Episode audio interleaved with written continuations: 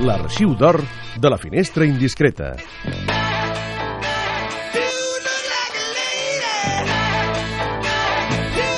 Aquesta ens la dediques, eh, Alfons? Selecció Alfons Gorina, parlant de l'època en què va començar la finestra indiscreta. Aerosmith. Iron. Aerosmith. Dude, looks like a lady, que sonava a senyora Dot. La vull posar, la vull posar. Posa-la, posa-la immediatament. Cada setmana tria un component de l'equip i aquesta setmana em tocava a mi, mira, Steven Tyler i els seus. Ha començat l'arxiu d'or de la finestra indiscreta. Amics gorines, ens diu el Josep, se us felicita pels 30 anys i molt ben fets, en història, voluntat, abraçada de l'avi del programa, el padrí Jaume. Feu-li una abraçada al padrí Jaume, que és el Jaume Figueres, i mercès per les 100 hores d'escoltar i aprendre amb diferents equips, Salvà, Valentí i Júnior. Disfruteu, aquest té memòria, eh, també, aquest personatge. Doncs, ja que hem entrat en matèria, aquest espai cada setmana ens oferirà els records del programa, allò que tenim arxivat, els personatges que han passat per la finestra indiscreta, les visites, els genis i fins i tot, clar, gent que ja no és amb nosaltres. A vegades amb una entrevista semicompleta o completa i a vegades amb aproximacions. I us semblarà, però com és possible que tinguessin el Coppola i només facin una aproximació. Doncs és així, què passa? És que tenim de més importants i tot, eh? Coppola, entre una colla d'amics, pillat per l'Àlex Gorin en un moment determinat, que el vaig comparar amb Orson Welles, per allò de lliure i viatger, i mira, mira què deia. You have friends, you have black and white, and you are uh, you are your own responsible. There's a big, there's a one, at least one big difference between me and Orson Welles is that I'm rich. Orson Welles had no money. I, I come here in my own aeroplane. Hi ha almenys una diferència entre Orson Welles i jo, i és que jo sóc ric. Orson Welles no tenia diners. En canvi, jo he vingut en el meu propi avió, i marxaré en el meu propi avió. Això significa una diferència, perquè al final ell no tenia diners per fer pel·lícules. Així que havia de donar voltes per Europa demanant diners.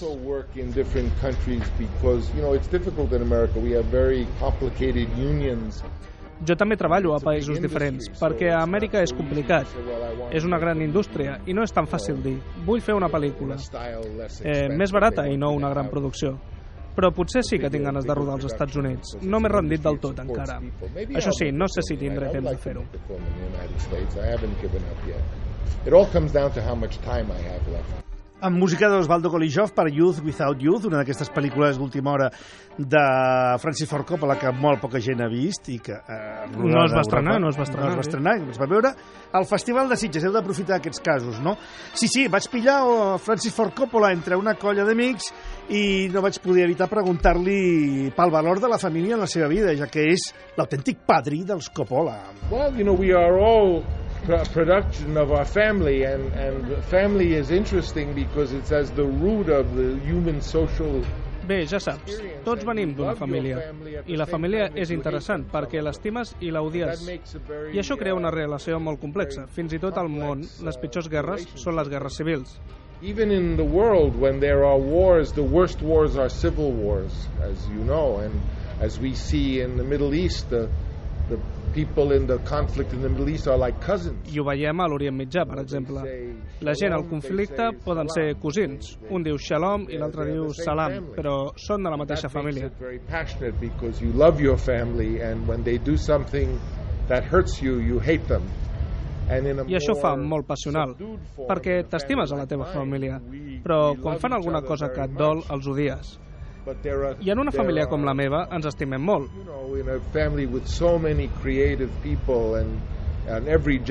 però també eh, tothom és molt creatiu i cada generació competeix amb l'anterior. És el que intentava entendre, perquè quan fas un film personal el fas per entendre tu mateix moltes altres coses. Because when you make personal films, you make them for yourself to understand the themes.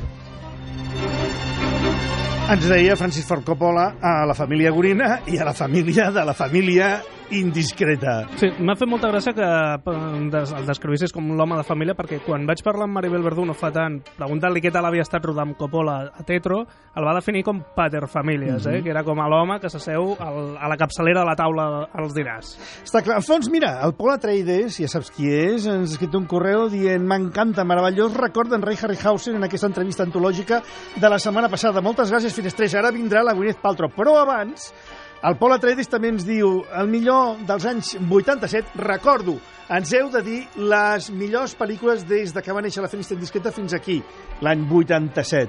Robocop, la del 1987, és clar, la de l'enorme Paul Verhoeven.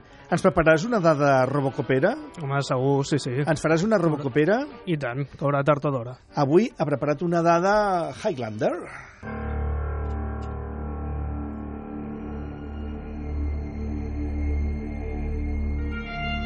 Finestrers, seguim endavant amb la memòria històrica. A principis de setembre de l'any 86, ara fa 30 anys, es va estrenar una pel·lícula que ha quedat una mica superada, però que ha estat clàssic de culte sense discussió. Es una espada española antigua, vale por lo menos un millón de dólares. ¿Y qué? ¿Quieres que te cuente mi teoría? Ujú. Fuiste a aquel garaje a comprarle esta espada al tipo ese. ¿Cómo se llamaba? No lo sé, dígamelo usted. Está bien, se llamaba Imán Fessel. Discutisteis por el precio y le cortaste la cabeza. ¿Quiere oír otra teoría? Ese Fessel estaba tan impresionado por el combate de lucha de esta noche que se fue al aparcamiento y en un momento de depresión se cortó la cabeza. Avui repesquem Los Immortales a... La dada de la finestra.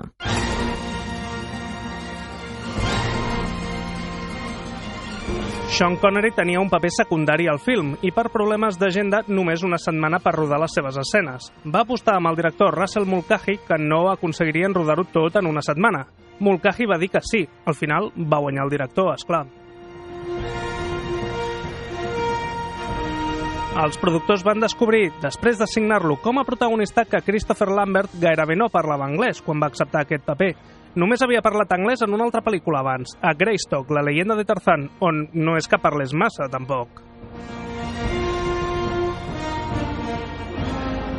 En ell va recaure el paper després de ser refusat per Carl Russell. La veritat és que Russell volia acceptar-lo, però la seva nòvia, l'actriu Goldie Hawn, li va prohibir. En lloc d'aquesta pel·lícula va protagonitzar Golpe en la pequeña China. Mark Singer i Mickey Rourke també van ser tantejats pel personatge. La veritat és que Connery i Lambert es van fer molt amics durant el rodatge, tant que es deien pels noms dels personatges mentre rodaven. Va ser la insistència de Lambert que va portar a Connery a repetir a la segona part, cosa que no estava prevista en un inici. A banda de James Bond, és l'única vegada que ha repetit un personatge. La introducció amb la veu de Sean Connery té una mica de ressò, perquè la va gravar des del lavabo de casa seva. Els productors van donar l'hoquei perquè la van escoltar telefònicament i no van poder distingir aquesta distorsió.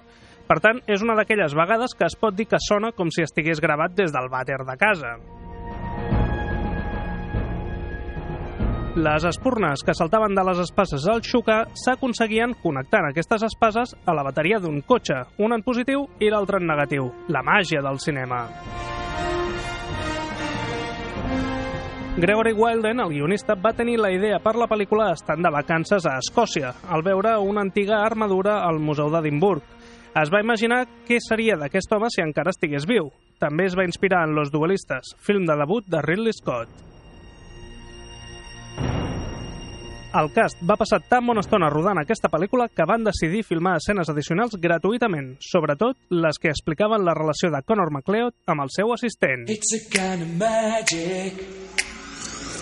It's a kind of magic. A kind of magic.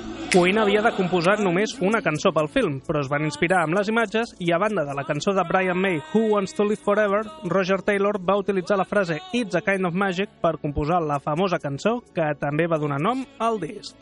It's a kind of magic.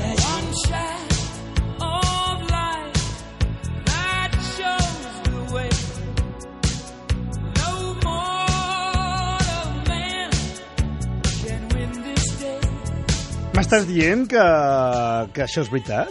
El quina de les parts? Això de Queen i del Kind of Magic Sí, i tot jo, això? jo no sabia que un disc tan emblemàtic estava tan vinculat a una pel·lícula, diguéssim, no tan de capçallera. Oh, que Però mira, cutre! El Sean Connery gravant la intro de la pel·lícula cagant al vàter. O sigui, Sí. ja directament això em A sembla més, ja... un, una casa, una, una villa que tenia a Espanya, és veritat, Mare això? de Déu, sí, clar, sí, sí, a Marbella, va viure molt de temps. I, i que cutre fer la lluita d'espases a la Guerra de les Galàxies ho van fer una mica millor, no? Amb les bateries dels cotxes, per l'amor de Déu, però si Mira, sembla, escolta. si semblen personatges d'Amblin, directament. Sí, sí, home, una miqueta... D'Amblin, tu vols dir de la Canon gairebé, no? Més. Cutres, Carrasel i Goldie Hawn, per cert, que jo els vaig Els acompanyar... vas a la- conèixer i segurament per això Sí. sí. pots saber que és veritat. És veritat, i, i, i volien comprar un apartament en aquesta casa de pisos tan bonica que és la Sagrada Família de Barcelona. Uh, flipa, flipa. I, escolta, no he entès bé, era una armadura o una arma dura? Allò que tenen al Museu d'Edimburg, perdona, eh? Doncs, eh, no sé, la segona part. La segona part? Sí, la segona opció, veient com ho has dit, no?, amb aquest cachondeo. Doncs... És més, més interessant arma dura que no armadura.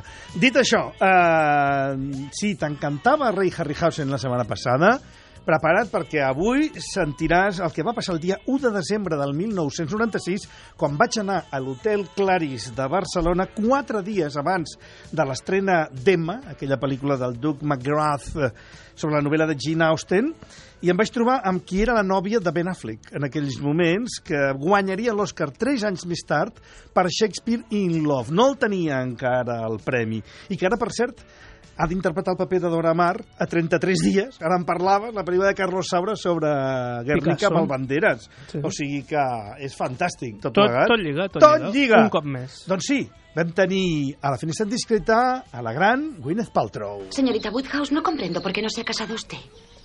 El matrimonio no tiene ningún aliciente. No me faltan ni fortuna ni posición. Y jamás podría ser tan importante a los ojos de otro hombre como lo soy a los de mi padre. Pero acabará siendo una solterona como la señorita Bates. Ella es una pobre solterona. Y solo la pobreza convierte el celibato en algo desagradable.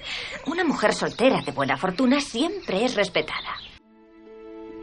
Us fixareu que en aquella època érem una mica ineptes, o la tecnologia era diferent, i tot i que Gwyneth Paltrow sona molt bé, l'Àlex Urina surt d'ultratomba directament. Curiosamente, eh, yo lo que creo es que Jane Austen era una persona que tuvo una visión muy, muy aguda, de, muy profunda, muy, muy, muy correcta de lo que es eh, el juego del amor, de lo que son las relaciones humanas, etc.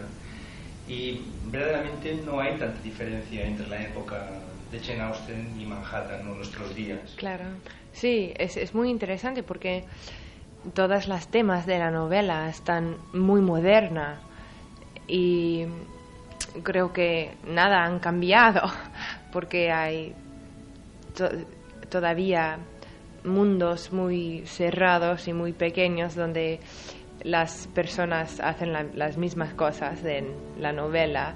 Y también todos los dinámicos entre personas y todas las cosas de amor y haciendo errores y aprendiendo y todo está todavía como nosotros somos. Yo puedo entender que hay dos, tenemos dos lados. Tenemos el lado que, como yo, yo quiero trabajar, yo, yo quiero tener una carrera y todo, pero al mismo vez, cuando en, en cuatro o cinco años quiero tener hijos y quiero, quiero ver si puedo mantener dos cosas. Y claro que las, las chicas en la época de Jane Austen no, no podía trabajar. Y bueno, sí, podía si fueran pobres. Eh, Pero la cosa que es interesante en Emma es que Emma es la única persona, al principio de la novela, en la película también, que no quiere casar porque es- sabe que no necesita casar por- porque no entiendo el, la- la- el amor y el- su corazón ya, pero va a entender más tarde. Pero creo que esa fuera, eso fue muy, muy raro para una chica y quizás eso fue la manera en que Jane Austen puede decir aquí tenemos una chica más fuerte más y un poco diferente que todas las, las otras chicas en este mundo. Um, a mí me gustaría hacerte una pregunta sobre, sobre tu madre. Eh, no sé si dice Blythe o Blythe. Blythe. Blythe, Dana. Porque es una actriz que desde Future World, eh, vamos, yo la tengo muy presente y siempre me ha llamado mucho la atención. Tú has trabajado bastantes veces con ella. Sí, cuatro veces, sí. Y ella también trabaja mucho con Woody Allen, precisamente, y es muy, muy especial, muy curioso esta especie de constancia, ¿no? De haber Sí. aparecido en tres o cuatro películas de Sí. Woody Allen.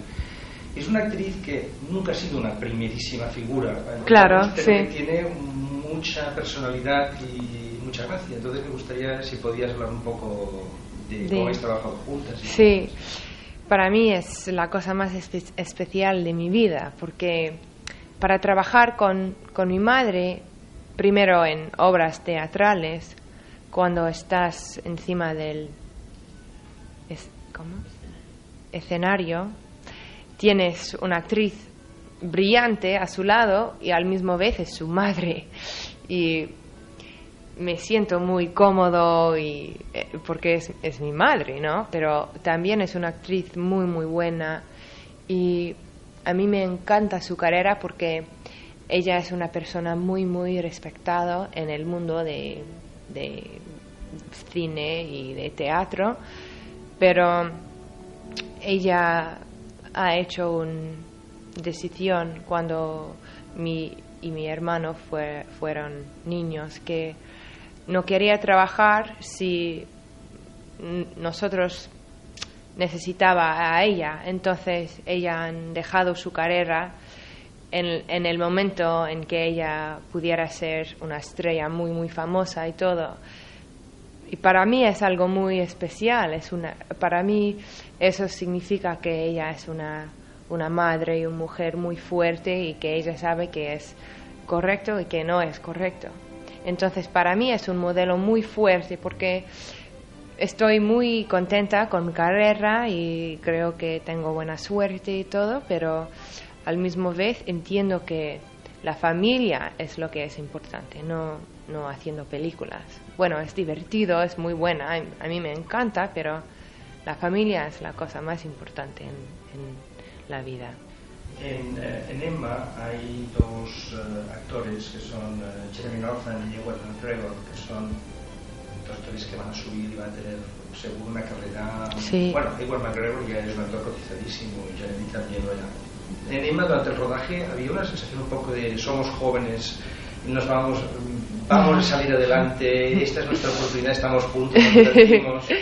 Sí, fuera una energía muy especial en este plato porque teníamos muchísimos actores de mucho talento y am, como Toni Collette es una actriz muy muy bien y todo el mundo y Alan Cumming es un actor de Scotland muy con mucho talento y sí fue una energía muy especial. Y cuando estábamos haciendo la película todo el mundo podía sentirle un poco. Yo creo que debe ser dificilísimo eh, hoy en día situarse en la piel de personajes del siglo pasado y entender que las cosas se tenían que hacer con esta con este cuidado y este Sí. debe ser muy difícil. Es un trabajo de actriz y de actor claro pero Sí, fue difícil porque para mí soy una chica más abierta y cuando pienso algo, dilo. Y- pero fuera, fue muy interesante porque cuando estaba en Inglaterra estaba todo el día mirando los dinámicos, dinámicos entre La dinámica. la dinámica entre las personas en Inglaterra y eso es la misma manera en que ellos están con con, con ellos son con sí con los amigos y con ellos son muy muy am, reprimidos porque son siempre muy bien, educadas y todo, pero no, no dicen qué, qué quieren decir. Y eso ocurre siempre en Inglaterra hoy, en este momento. Entonces, para mí fuera difícil, porque no fuera difícil, pero, pero fue, fue raro para mí, porque mi, mi manera es muy diferente, muy distinto.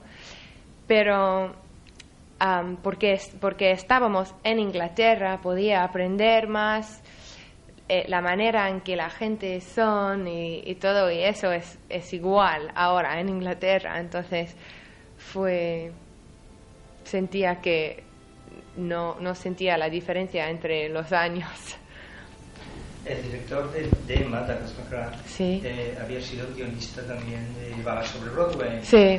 O sea que curiosamente, eh, tanto por, por el lado de tu madre como por el lado de, de, de Douglas McGrath, eh, siempre está Woody Allen circulando Sí, sí. a tu alrededor.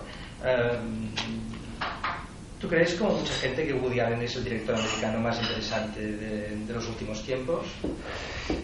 Yo creo que sí, para porque fue, eso, eso fue muy interesante también, porque Douglas McGrath me ha dicho que el mundo de Woody Allen es muy cerca del mundo de Jane Austen.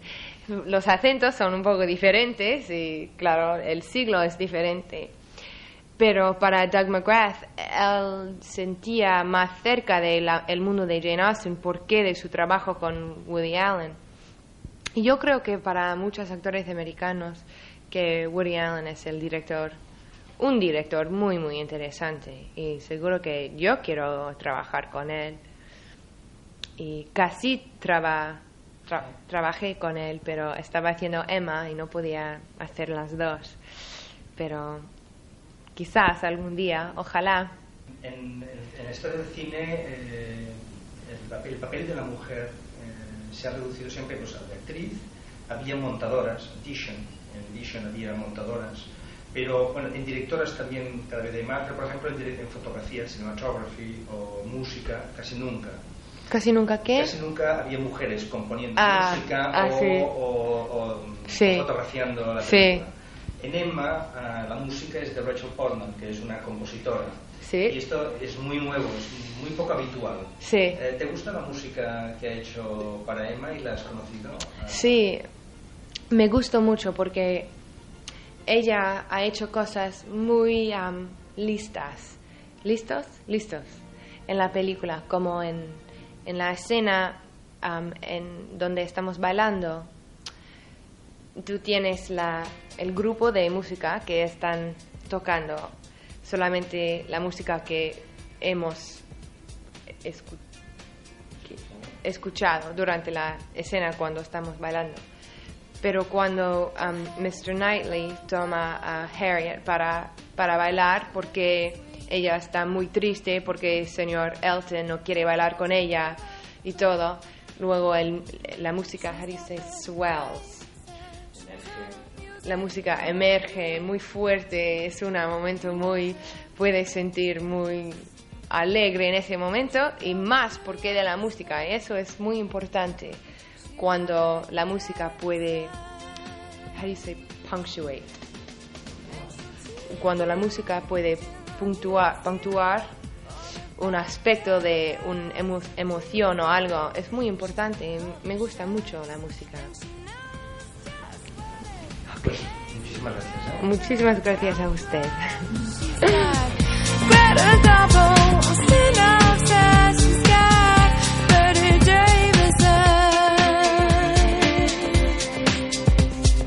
Els ulls de Gwyneth Paltrow, ara cantant els ulls de Bette Davis.